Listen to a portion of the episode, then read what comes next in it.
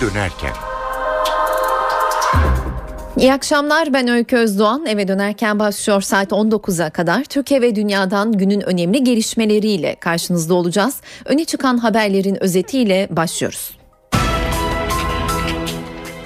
Tarihi projede kurdela kesildi. Marmaray açıldı. Asya ve Avrupa kıtaları İstanbul Boğazı'nın altından demir yoluyla birleştirildi. Başbakan Erdoğan açılışta Marmaray'ın ilk 15 gün ücretsiz hizmet vereceğinin müjdesini verdi.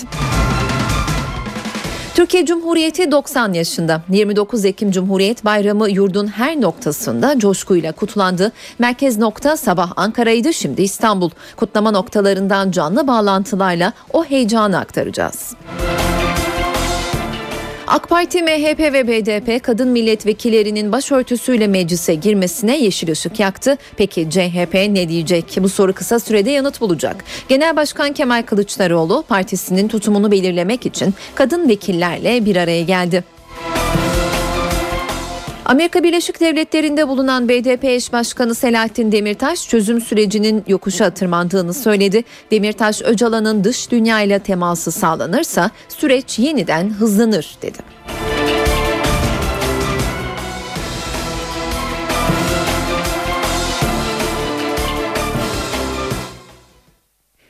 150 yıllık rüya gerçek oldu. Marmaray açıldı, kurdela kesildi. Devletin zirvesi Marmaray ile Üsküdar'dan yola çıktı. Direksiyonda Cumhurbaşkanı vardı. İstanbul Boğazı'nın altından tüp geçit içinde trenle yeni kapıya geçti. Bu projeyle Avrupa ve Asya demiryoluyla birbirine bağlandı. Yani Londra'dan trene binen bir kişi Pekin'e kadar trenle gidebilecek. Tarihi açılış töreni NTV Radyo'da canlı olarak yayınlandı. Cumhurbaşkanı, Meclis Başkanı, Başbakan, yabancı konuklar az önce Üsküdar'dan Yeni Kapı'ya geçti. Marmaray'dan notlar az önce NTV muhabir Korhan Varol'dan aldık. Şimdi Cumhuriyet Bayramı'na geçelim. Bugün 29 Ekim Cumhuriyet Bayramı tüm yurtta coşkuyla kutlanıyor. Devlet erkanı Marmaray'dan önce başkent Ankara'daki törenlere katıldı. O törenlerden notları az sonra aktaracağız ama öncesinde şu andaki kutlamalara bakalım. İstanbul'da bir yanda Marmaray'ın açılış töreni vardı. Açılış sırasında Boğaz'da sıralanan tekneler de Marmaray coşkusuna katılmıştı. Şu anda ise Arnavutköy, Bebek, Üsküdar ve Kadıköy Kadıköy'den hareket eden tekneler Boğaz'da tur atıyor. O etkinliği NTV muhabiri Gözde Kuyumcu izliyor. Gözde seni dinliyoruz. Evet İstanbul Boğazı'nda Cumhuriyet ve Demokrasi Geçidi var. Şişli Belediyesi'nin düzenlemiş olduğu etkinlikte 30 tekne Arnavutköy, Bebek, Üsküdar ve Kadıköy'den yola çıktı. Şimdi denizin ortasındalar. Ve binlerce vatandaşlar ellerinde bayraklar, ışıklar, şarkılarla coşkulu bir şekilde Cumhuriyet Bayramı'nı tutuyor. Tekneler Boğaz'da tur atıyor. Şu an Boğaz'ı baştan başa dolaşacaklar. Ardından bu tekneler Dolma Bahçe'ye yanaşacak. 30 tekne bu şekilde organize edilip ve Boğaz'ın ortasında şu anda halen gezinti yapmaktalar. Bu gezintinin ardından da e, tekneler Dolma Bahçe'ye yanaşacak. Aynı zamanda tekneler ışıl ışıl Boğaz'ı da aydınlattı ve tabii vatandaşlar da bir yandan e, onları izliyor sahil kenarlarında ve fotoğraf çekenler var. Onlara buradan yine eşlik edenler var. İstanbul'un dört bir yanında tüm yurtta olduğu gibi Cumhuriyet Bayramı coşkusu devam ediyor. Son bir duyuru yaparak kapatalım yayınımızı. Hı hı. Ee, Küçük Çiftlik Maçka Parkı'nda konser olacak. Ee, buraya da vatandaşlar ücretsiz gidebilir. Yine Şişli Belediyesi'nin etkinliği e, Mustafa Sandal ve Hande Yener konseri olacak. Tekne turu bittikten sonra da vatandaşlar oraya gidecekler. Gözde teşekkürler. NTV muhabiri Gözde Kuyumcu telefon hattımızdaydı. İstanbul'da bir diğer kutlama noktası da Bağdat Caddesi. Cumhuriyet'in 90. yılı caddede Fener Alayı yürüyüşüyle kutlanıyor. Ayrıntıları NTV muhabiri Burak Özcan'dan alacağız. Burak katılım nasıl ve yürüyüş ne zaman başlıyor? Öykü biz şimdi Şaşkın Bakkal ışıklardayız Bağdat Caddesi'nin üzerinde. Burası her yıl olduğu gibi yine son derece kalabalık. Bağdat Caddesi Bostancı'dan e, Kadıköy kadar uzanan bir cadde ve caddenin büyük bölümünde insanlar ellerinde bayraklarla Cumhuriyeti kutluyorlar. Aslında artık gelenekselleş, e, gelenekselleşti Bağdat Caddesi'nde Fener Alayı. Her sene 29 Ekim'de saat 19'da burada bu yürüyüş gerçekleşiyor ve yine saat 19'da Suadiye ışıklardan başlayacak yürüyüş ancak bizim şu anda Suadiye ışıkların daha da ilerisinde olmamıza rağmen burada da çok büyük bir kalabalık var. Yürüyüşe katılacaklara hediyeler de var. Bayraklar dağıtılacak, meşaleler dağıtılacak. Ay yıldızlı tişörtler dağıtılacak. Aynı şekilde kortejin önünde bir tır olacak. Bu tırdan ışık gösterileri yapılacak ve müzik yayını olacak. Bu tırın haricinde yine caddenin belirli noktalarında kurulan ufak sahneler var. Bu sahnelerden de sürekli olarak şu sırada da müzik yayını yapılıyor. Yürüyüş 19'da başlayacak dedik. Ee, Suadiye'den başlayacak yürüyüşün Göztepe'de tamamlanması bekleniyor. Yürüyüşün ardından da saat 21.30'da bir konser var. Caddebostan sahilinde Volkan Konak saat 20 21.30 sahneye çıkacak. Ee, ve bu konserle birlikte Kadıköy'deki Bağdat Caddesi'ndeki kutlama sona erecek. Öykü. Teşekkürler Burak. NTV muhabiri Burak Özcan telefon hattımızdaydı. Bağdat Caddesi'ne saat 19'da başlayacak Fener Alayı yürüyüşüyle ilgili son notları aktardı. Cumhuriyet 90. yılını başkentte nasıl kutlandığına bakalım. İlk resmi tören Anıtkabir'deydi. Bugün aynı zamanda kendi doğum günü olan Cumhurbaşkanı Abdullah Gül, Cumhuriyet'in 90. yıl dönümü nedeniyle Çankaya Köşkü'nde tebrikleri kabul etti. Cumhurbaşkanı ve zirvedekiler son olarak resmi geçit törenini izledi. Başkent Ankara'daki Cumhuriyet Bayramı kutlamalarının ilk durağı Anıtkabir'di. Önderliğinizde kurtuluş destanını yazan milletimiz Türkiye'yi masır medeniyetler seviyesinin üstüne çıkarma hedefi doğrultusunda sarsılmaz bir irade ve kararlılıkla ilerlemektedir. Anıtkabir'deki törenin ardından devlet erkanı Çankaya Köşkü'ne çıktı. Tören öncesinde CHP lideri Kemal Kılıçdaroğlu ve Genelkurmay Başkanı Necdet Özel bir süre sohbet etti. Başbakan Recep Tayyip Erdoğan'la Kılıçdaroğlu selamlaşmadı. Tebrik töreninin ardından Gül basın mensuplarının bayramını, haberciler de Gül'ün doğum gününü kutladı. Doğum gününüz kutlu olsun. Resepsiyon sonrasında bir kutlama yapmayı düşünüyor musunuz? Doğum kutlamasını hep beraber yapıyoruz işte aynı zamanda. Ne yapayım? Yaş günümü saklayamıyorum biliyorsunuz. Elimde değil. Evet, sağ olun. Başkentteki kutlamaların son adresi Atatürk Kültür Merkezi'ydi. Başbakanın eşi Emine Erdoğan da ilk kez hipodromdaydı. Başbakan ve CHP lideri AKM'deki törende de selamlaşmadı. Protokol hocasının neşeli isimleri ise Bakanlar Zafer Çağlayan, Mehmet Şimşek ve Muammer Güler'di. Çağlayan Şimşek'e, Şimşek de Güler'e çiçek verdi. Törenler resmi geçit, F-16'lar ve helikopterlerin gösteri uçuşuyla son buldu. Başkentte buluşma noktalarından biri de Tandoğan Meydanı'ydı. Aslında burada alternatif bir kutlama yapıldı demek daha doğru olur. Tandoğan'da düzenlenen mitinge binlerce vatandaş katıldı. Alanda konuşma yapan CHP lideri Kemal Kılıçdaroğlu başbakanı eleştirdi. CHP Ankara İl Başkanlığı Cumhuriyet Bayramı'nı alternatif bir programla kutladı. Mitinge Atatürkçü Düşünce Derneği, Çağdaş Yaşamı Destekleme Derneği ve DİSK'in de aralarında bulunduğu 50'ye yakın sivil toplum örgütüyle ve bazı siyasi partilerde destek verdi. Mitingde Atatürk Orkestrası sahnedeydi.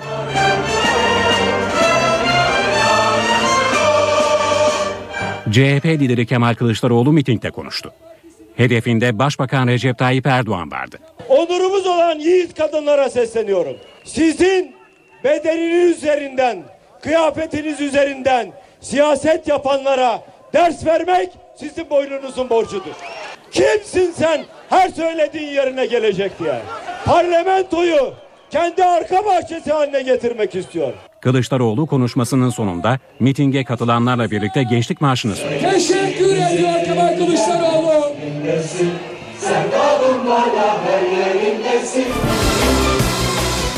Şimdi biraz merkez noktaların dışına çıkacağız. Bayramın yurt genelinde nasıl kutlandığına bakacağız. İzmir, Diyarbakır, Antalya, Hatay ve Bolu'dan notlar aktarıyoruz.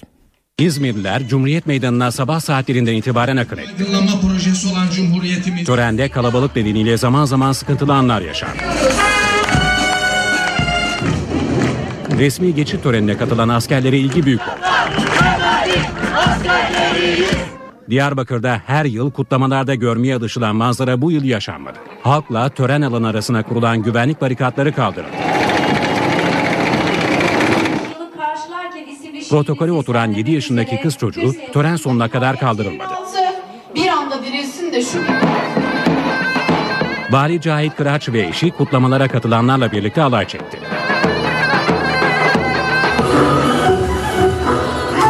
Antalya'da coşkunun adresi Cumhuriyet Meydanı oldu. Akdeniz Üniversitesi öğrencilerinin gösterileri büyük ilgi gördü. Hatay'daki korteje 3 semavi dinin temsilcileri ve medeniyetler korosu da katıldı.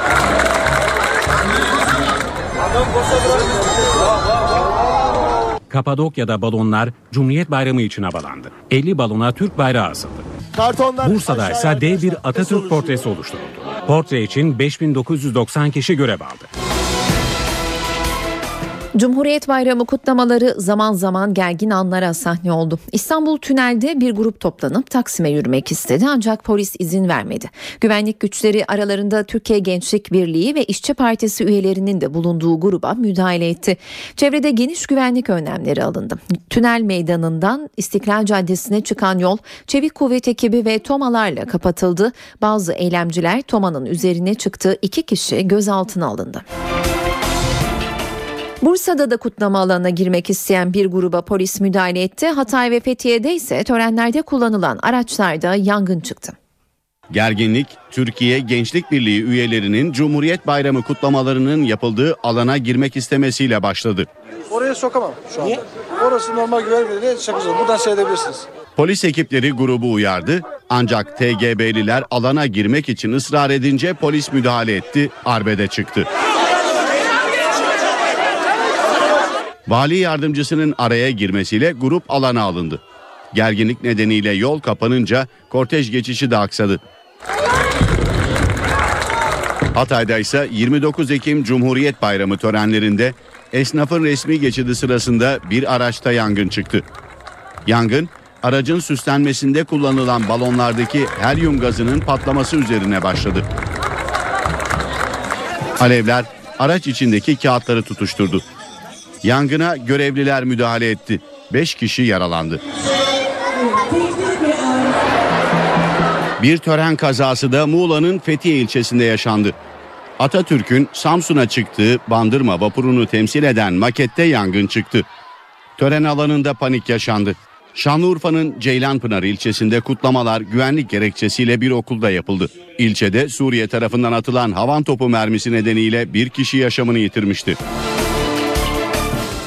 Cumhuriyet Bayramı nedeniyle bu akşam Kral TV'de de nostaljik bir program var. Dün doğum gününde Cumhurbaşkanlığı Kültür Sanat Büyük Ödülüne layık görülen Ahmet Kaya'nın Türkiye'de söylediği son şarkılar bu programda olacak.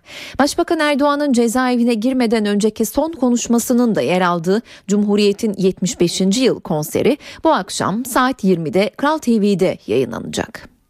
Cezaevindeki bütün tutuklulara ve cezaevine gidecek bütün yürekli insanlar için Beni burada arama Arama anne 2000 yılında Paris'te hayatını kaybeden sanatçı Ahmet Kaya, Türkiye'de son kez Cumhuriyet'in 75. yıl dönümünde sahneye çıktı.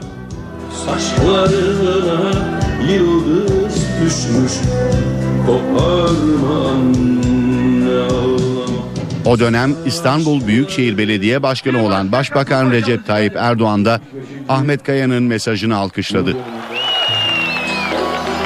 ve artık şarkı söyleyenlerin ve şiir okuyan insanların tutuklanmadığı, tutuklanmayacağı cumhuriyetlerde bir daha görüşmek üzere diyorum. Aynı konserde Başbakan Recep Tayyip Erdoğan da cezaevine girmeden önceki son konuşmasını yaptı. Ayrımcılığın olmadığı, kimsenin kimseye yan gözde, farklı gözde bakmadığı bir cumhuriyet yıkılmayacaktır ve yıkılmaz bunu böyle biliyoruz. 1 milyon kişinin izlediği konser bu akşam Kral TV ekranlarında olacak. Konserde Ahmet Kaya'nın yanı sıra Ferdi Tayfur, Muazzez Ersoy, Mahsun Kırmızıgül ve Cengiz Kurdoğlu gibi sanatçılar da yer aldı. Düşenin dostu olmaz derler. Cumhuriyet'in 90. yıl dönümünde Kral TV'deki nostaljik bayram saat 21'de başlayacak.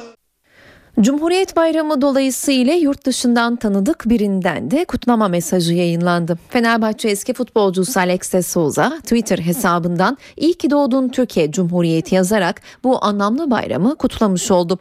Alex ayrıca profil fotoğrafı olarak da Türkiye'de forma giydiği dönemdeki Türk bayraklı tişörtlü bir kareyi kullandı. Bu arada dünyaca ünlü futbol kulübü Barcelona'dan da tebrik mesajı geldi. Kulübün resmi Twitter hesabından Cumhuriyet Bayramı'nı Türkiye'deki tüm dostlarımızla birlikte kutlamak isteriz mesajı yayınlandı. Kulüp mesaja bir de fotoğraf ekledi. Messi, Iniesta, Neymar ve Sanchez'den oluşan fotoğrafın üzerine İngilizce ve Türkçe Cumhuriyet Bayramınız kutlu olsun yazıldı. Mesaj kulübün takipçileri tarafından binlerce kez paylaşıldı. Kulüp daha önce de 23 Nisan Ulusal Egemenlik ve Çocuk Bayramı'nı kutlayan bir video hazırlamıştı. Saat 18.20 ben Öykü Özdoğan eve dönerken de günün öne çıkan gelişmeleriyle yeniden karşınızdayız. Türkiye'nin son dönemdeki başlıca gündem maddelerinden biriyle devam edelim. Çözüm sürecinden bahsediyoruz. BDP eş başkanı Selahattin Demirtaş süreçteki son durumu yol benzetmesi üzerinden anlattı. Demirtaş şu an yokuş tırmanılıyor ancak hükümet birkaç adım atarsa süreç yokuş aşağı inip yeniden hızlanabilir dedi. Belki şöyle tarifleyebiliriz. Süreç başladığında yokuş aşağı çok hızlı gidiyordu. Yaz aylarında düze indi. Şimdi yokuş tırmanıyor. Şimdi hükümet birkaç adım atarsa örneğin Sayın Öcalan'ın dış dünyayla temasını kolaylaştırır ve müzakerelere başlarsa e, bir kez daha zirveye ulaşıp tekrar yokuş aşağı hızlanabilir. BDP eş başkanı Selahattin Demirtaş partisi tarafından Washington'da düzenlenen Yeni Orta Doğu'da Kürtlerin rolü konferansında çözüm sürecinde gelinen noktayı bu sözlerle değerlendirdi. Çözüm süreçlerinin savaşmaktan çok daha zor bir dönem olduğunu belirten Demirtaş, önemli olan tarafların masada kalma iradelerini sürekli canlı tutabilmesi dedi. Artık tarafların masaya bir proje koyması gerektiğini söyleyen BDP eş başkanı, sınırları değiştirmeden çözümün sağlanabileceğini vurguladı. Biz BDP olarak bu süreçte Orta Doğu çözüm sürecinde kendi ülkemizde bugün vatandaşı olduğumuz Türkiye Cumhuriyeti Devleti de dahil olmak üzere her yerde sınırları değiştirmeden, ülkeleri bölüp parçalayıp yeni sınırlar çizmeden kendi özgürlüğümüzü ama statümüzü de kazanarak e, çözümü sağlayabiliriz. Bunun siyasi mücadelesini sürdürüyoruz. BDP eş başkanı konferansta umutsuz ve karamsar bir aşamada olmadıklarını da kaydetti. CHP mecliste türbanlı vekili tartışıyor. Partisinin Ankara'da bulunan kadın milletvekillerini genel merkeze çağıran CHP Genel Başkanı Kemal Kılıçdaroğlu türbanlı vekil konusunda görüş alışverişinde bulundu. Görüşmeye Aylin Nazlı Aka, Birgül Ayman Güler, Binnaz Toprak, Gülsün Bilgehan, Candan Yücer, Güldal Mumcu'nun yanı sıra Genel Başkan Yardımcıları Erdoğan Toprak ve Sezgin Tanrıkulu da katıldı. CHP türbanlı vekil konusunu İç Tüzük Komisyonu'nun yarın yapılacak ikinci toplantısında da gündeme getirecek. Konu CHP'nin yarınki kapalı grup toplantısının da ana gündem maddesi. CHP Genel Başkanı Kemal Kılıçdaroğlu Hastal cezaevindeki nikaha şahitlik yapacağı için yarınki toplantıya başkanlık etmeyecek.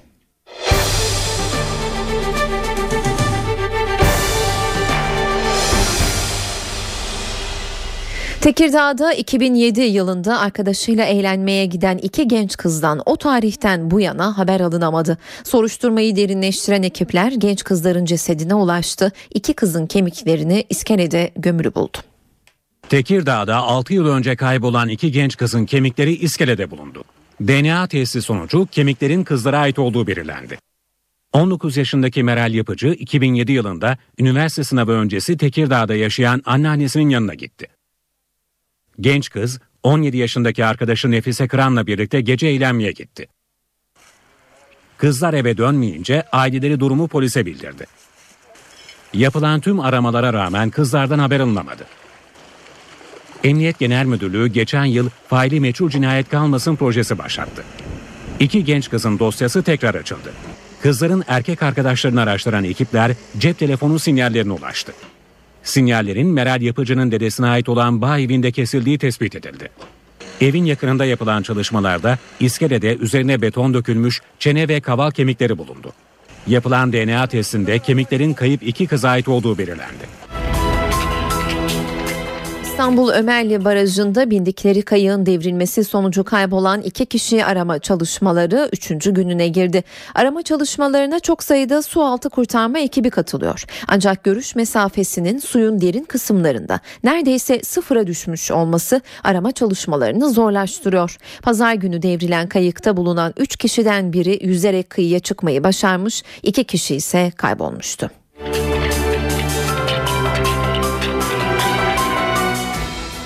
Umuda yolculuğu hedefe ulaşmadan sonlandı. Bodrum'da yasa dışı yollardan Yunanistan'a gitmeye çalışan yabancı uyruklu 166 kaçak yakalandı. Tur teknesine doluşan kaçakların kişi başı 3 biner dolar ödediği ortaya çıktı. Yolculuğu organize eden 4 Türk ise gözaltında.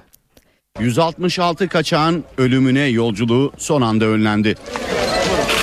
Tur teknesiyle Yunanistan'ın Kos adasına kaçmaya çalışan kaçaklar Odak adası açıklarında yakalandı. Jandarma ve sahil güvenlik ekipleri ihbar üzerine harekete geçti. Yalı Çiftlik beldesinden hareket eden tur teknesi durduruldu. Teknenin içinden kadın ve çocukların da aralarında olduğu 166 kaçak çıktı. Suriye, Afganistan ve İran uyruklu kaçaklar batma tehlikesine rağmen 18 metrelik tur teknesine binmişti. Kıyıya getirilen teknedeki kaçaklar iskeleyi doldurdu. Yasa dışı yolculuğu organize eden 4 Türk de gözaltına alındı. Yasa dışı yolculuk için kişi başına biner dolar ödeyen kaçaklar organizatörlerin yolculuğun lüks yatla yapılacağını söylediğini anlattı. Deneyimli kaptanlar tekne bu kadar çok kaçakla yola çıksaydı kısa sürede batacağı görüşünde.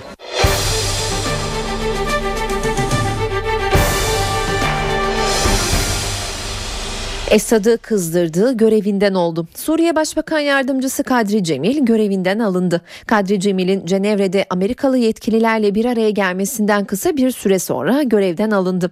Şam'daki kaynaklar Kadri Cemil'in Cenevre konferansı konusunda Amerikalı yetkililerle görüşerek yetkilerini aştığı ifade edildi. Komşu ülkelerin Dışişleri Bakanları Türkiye'yi ziyaret etmeyi sürdürüyor. Irak'ın ardından şimdi de İran Dışişleri Bakanı Cevat Zarif Cuma günü Türkiye'ye geliyor. İstanbul'da kimyasal ve nükleer silahlarla ilgili güvenlik konferansına katılacak olan Zarif ikili görüşmeler de yapacak. Cevat Zarif ziyaretinin Ankara ayağında Cumhurbaşkanı Abdullah Gül, Başbakan Erdoğan ve Dışişleri Bakanı Ahmet Davutoğlu ile görüşmesi bekleniyor. Görüşmelerde Suriye'deki kriz, toplanılması planlanan ikinci Cenevre konferansı hazırlıkları ele alınacak. İran'ın nükleer programının da görüşmelerde gündeme gelmesi bekleniyor. Telekulak iddiaları müttefikler arasındaki ilişkileri bozunca Amerikan Başkanı harekete geçme kararı aldı. Obama'nın Avrupalı ülkelerin liderlerinin dinlenmesini yasaklayacağından söz ediliyor. Amerika'da Ulusal Güvenlik Teşkilatı'nın karıştığı dinleme skandalı nedeniyle Obama yönetimi üzerindeki baskı artıyor.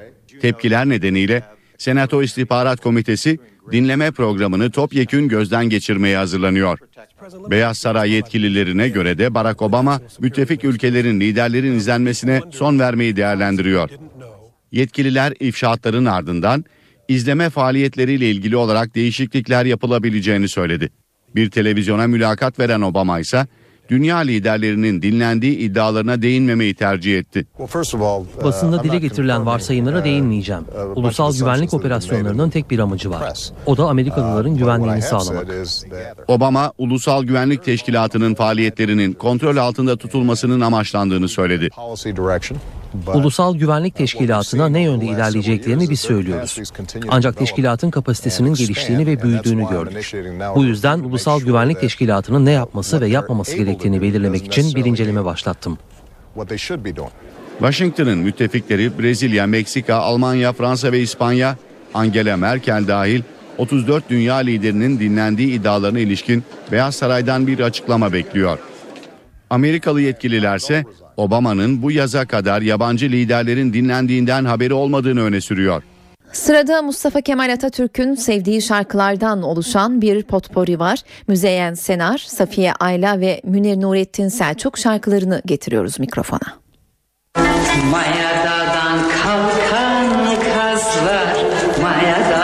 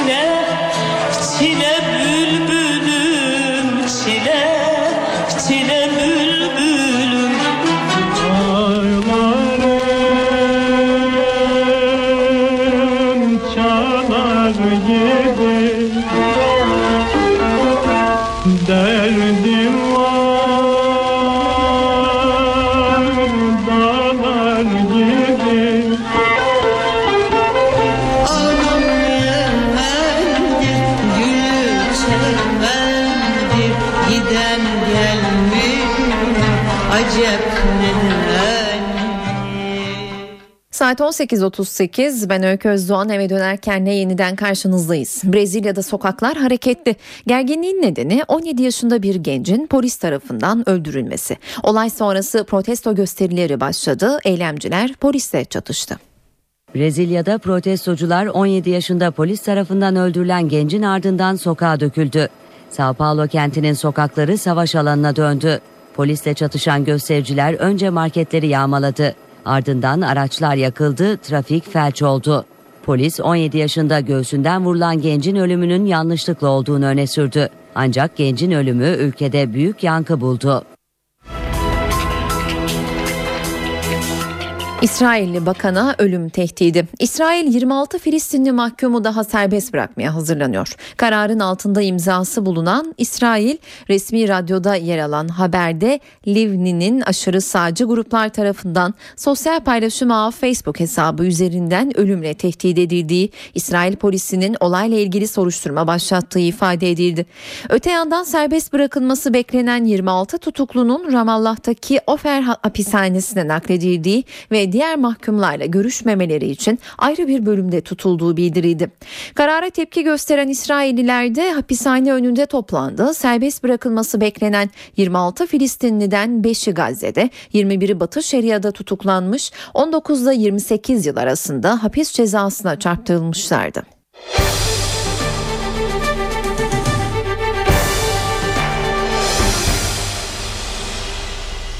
Avrupa'nın kuzeyi son 10 yılın en şiddetli fırtınasıyla boğuşuyor. Altısı İngiltere'de olmak üzere 15 kişi hayatını kaybetti. 600 binden fazla kişi elektriksiz kaldı.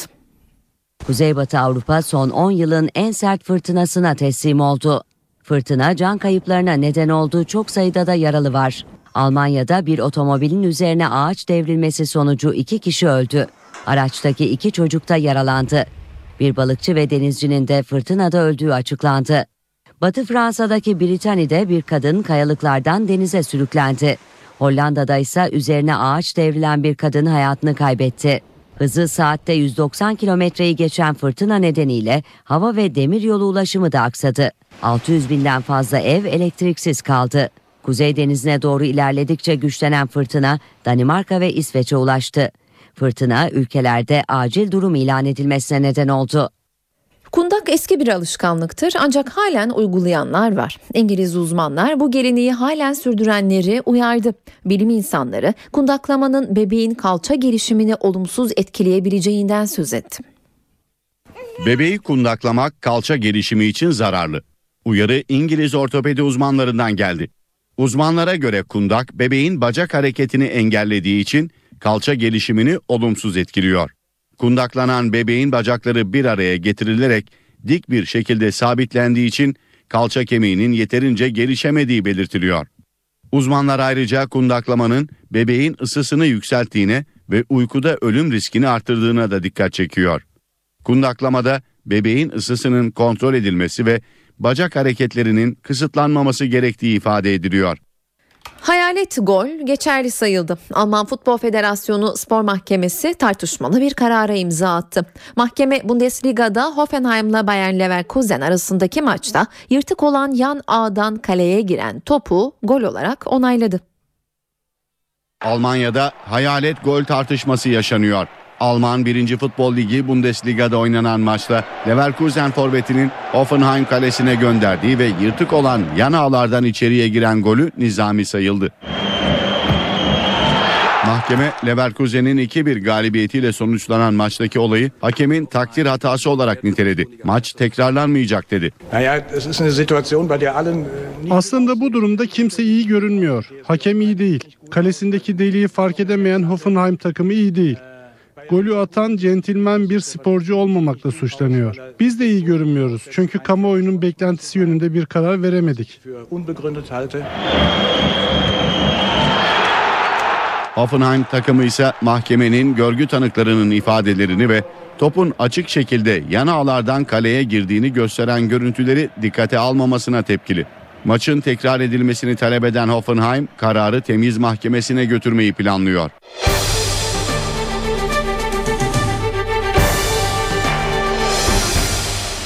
Eve dönerken spor gündeminde öne çıkan gelişmelerle devam ediyor.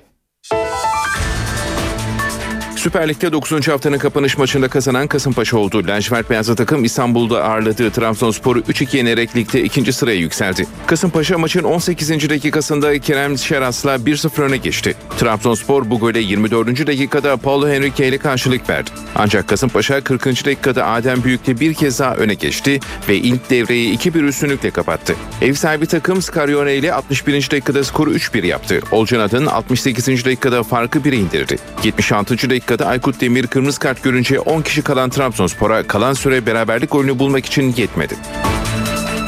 Trabzonspor UEFA Avrupa Ligi'ndeki başarısını Süper Lig'e yansıtamıyor. Bordo Mavililerin galibiyet hasreti 3 maça çıktı. Bordo Mavililer Spor Toto Süper Lig'de Kasımpaşa yenilgisinden önce Fenerbahçe ve Sivasspor'la golsüz berabere kaldı. Son olarak Torku Konyaspor'u yenen Trabzonspor son 3 maçında 7 puan yitirdi. Kasımpaşa maçında Bordo Mavili takımın kalesi de düştü. Ligde son 5 maçında kalesini gole kapatan Trabzonspor bu kez 3 gol yedi. Bordo Mavili takım 2 haftalık gol atamama orucuna da son verdi. Avrupa Ligi golcüsü Henrique Süper Lig'deki gol sayısını 3'e çıkardı. Ojansa ligdeki ilk golünü kaydetti. Bu sonuçta Trabzonspor ayrıca İstanbul takımlarına karşı ligde deplasmanda oynadığı üst üste 11. maçta da galip gelemedi. Spor Toto Süper Lig'de 9. hafta geride kaldı. Liderliğini sürdüren Fenerbahçe en yakın takipçisiyle puan farkını 4'e çıkardı. 9. haftanın sonuçları ve puan durumu şöyle. Spor Toto Süper Lig'de 34 golün atıldığı 9. haftada şu sonuçlar alındı. Fenerbahçe 3, Gaziantep Spor 1, Sivas Spor 2, Kayseri Erciyes Spor 0, Karabük Spor 1, Medikal Park Antalya Spor 1, Akhisar Belediye 3, Beşiktaş 3, Elazığ Spor 1, Gençler Birliği 2, Eskişehir Spor 4, Çaykur Rizespor 1, Kayseri Spor 2, Galatasaray 4, Torku Konya Spor 0, Bursa Spor 1 ve Kasımpaşa 3, Trabzonspor 2. Bu sonuçların ardından oluşan puan durumu şöyle. Lider Fenerbahçe'nin 22 puanı var. İkinci Kasımpaşa 18, üçüncü Beşiktaş 17 puanda. 16 puanlı takımlardan Eskişehir Spor 4. Galatasaray 5. Sivas Spor 6. 7. Akisar Belediyesi, 8. Çaykur Rizespor, 9. Bursa Spor ve 10. Trabzonspor'un 14'er puanı bulunuyor. Ligde 13 puanlı Medikal Park Antalya Spor 11. 10 puanlı Torku Konya Spor 12. sırada. 13. Karabük Spor'un 9, 14. Gaziantep Spor'un 8 puanı var. 7'şer puanlı takımlardan Gençler Birliği 15. Elazığ Spor 16. 17. Kayseri Erciyes Spor'un 6, 18. ve son sıradaki Kayseri Spor'un 5 puanı bulunuyor.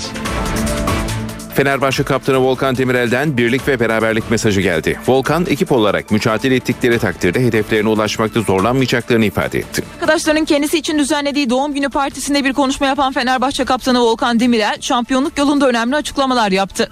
Takım olarak çok iyi bir hava yakaladıklarını dile getiren tecrübeli oyuncu bu birlikteliğin başarının anahtarı olacağını söyledi. Tüm takım halinde mücadele ettikleri takdirde hedeflerini gerçekleştireceklerini anlatan kaptan Volkan, başarı için doğru yolda olduklarının altını çizdi. 33. yaşına giren deneyimli eldiven doğum günü kutlaması için takım arkadaşlarına tek tek teşekkür etti. Teknik heyette Volkan'ın doğum günü partisinde yer aldı. Galatasaray ligin 10. haftasında oynayacağı Turku Konya Spor maçın hazırlıklarını sürdürdü. Antrenman öncesi Umut Bulut basın mensuplarının sorularını yanıtladı. Burak'ın uzun bir aradan sonra gol atmasına sevindiğini belirten Umut sıranın kendisine geldiğini söyledi. Galatasaray'da antrenman öncesi takım oyuncuları Türk bayrağı açarak 29 Ekim Cumhuriyet Bayramı'nı kutladı. Sarı Kırmızılılar Torku Konya Spor maçı hazırlıklarını sürdürürken antrenman öncesi basın mensuplarının sorularını yanıtlayan Umut Bulut galibiyet serisini sürdürmek istediklerini söyledi. Güzel bir galibiyetimiz var Kopenhag maçıyla birlikte. 3 3 maç üstte kazandık. Morallerimiz yerinde, her şey yolunda. Ee, inşallah şimdi önümüzde bir Konya maçı var. Onun maçı da kazanıp e, seriye devam etmek istiyoruz. İyi mücadele ediyoruz, iyi oynuyoruz. Eksiklerimizi her geçen hafta gideriyoruz. İlerleyen her hafta daha iyi olacağız. Ee, bunu da zaten oynadığımız futbola gösterdiğimizi düşünüyorum. Umut Bulut uzun bir aradan sonra gol attığı için Burak Yılmaz adına sevindiğini belirtti. Öncelikle Burak arkadaşım gol attığı için ben daha çok sevindim çünkü onun daha çok ihtiyacı vardı. Ha, tabii ki benim de ihtiyacım var ama inşallah bana da bu hafta nasip olur. Herkes oynamak istiyor. Ee, Benim de oynamadığım zaman e, ister istemez etkiliyor ama çalışmaya devam ediyor. Sonuçta yapmamız gereken bu. Hoca da görev verdi elimizden geleni yapıyoruz. Eve dönerkeni Mustafa Kemal Atatürk'ün sevdiği şarkılardan oluşan Potpori'nin devamıyla noktalıyoruz. Ben Öykü Özdoğan. Herkese iyi akşamlar. Hoşçakalın.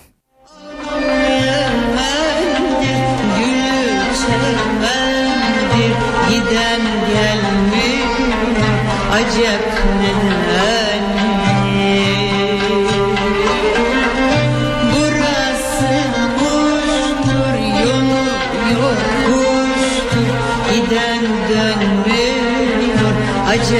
acep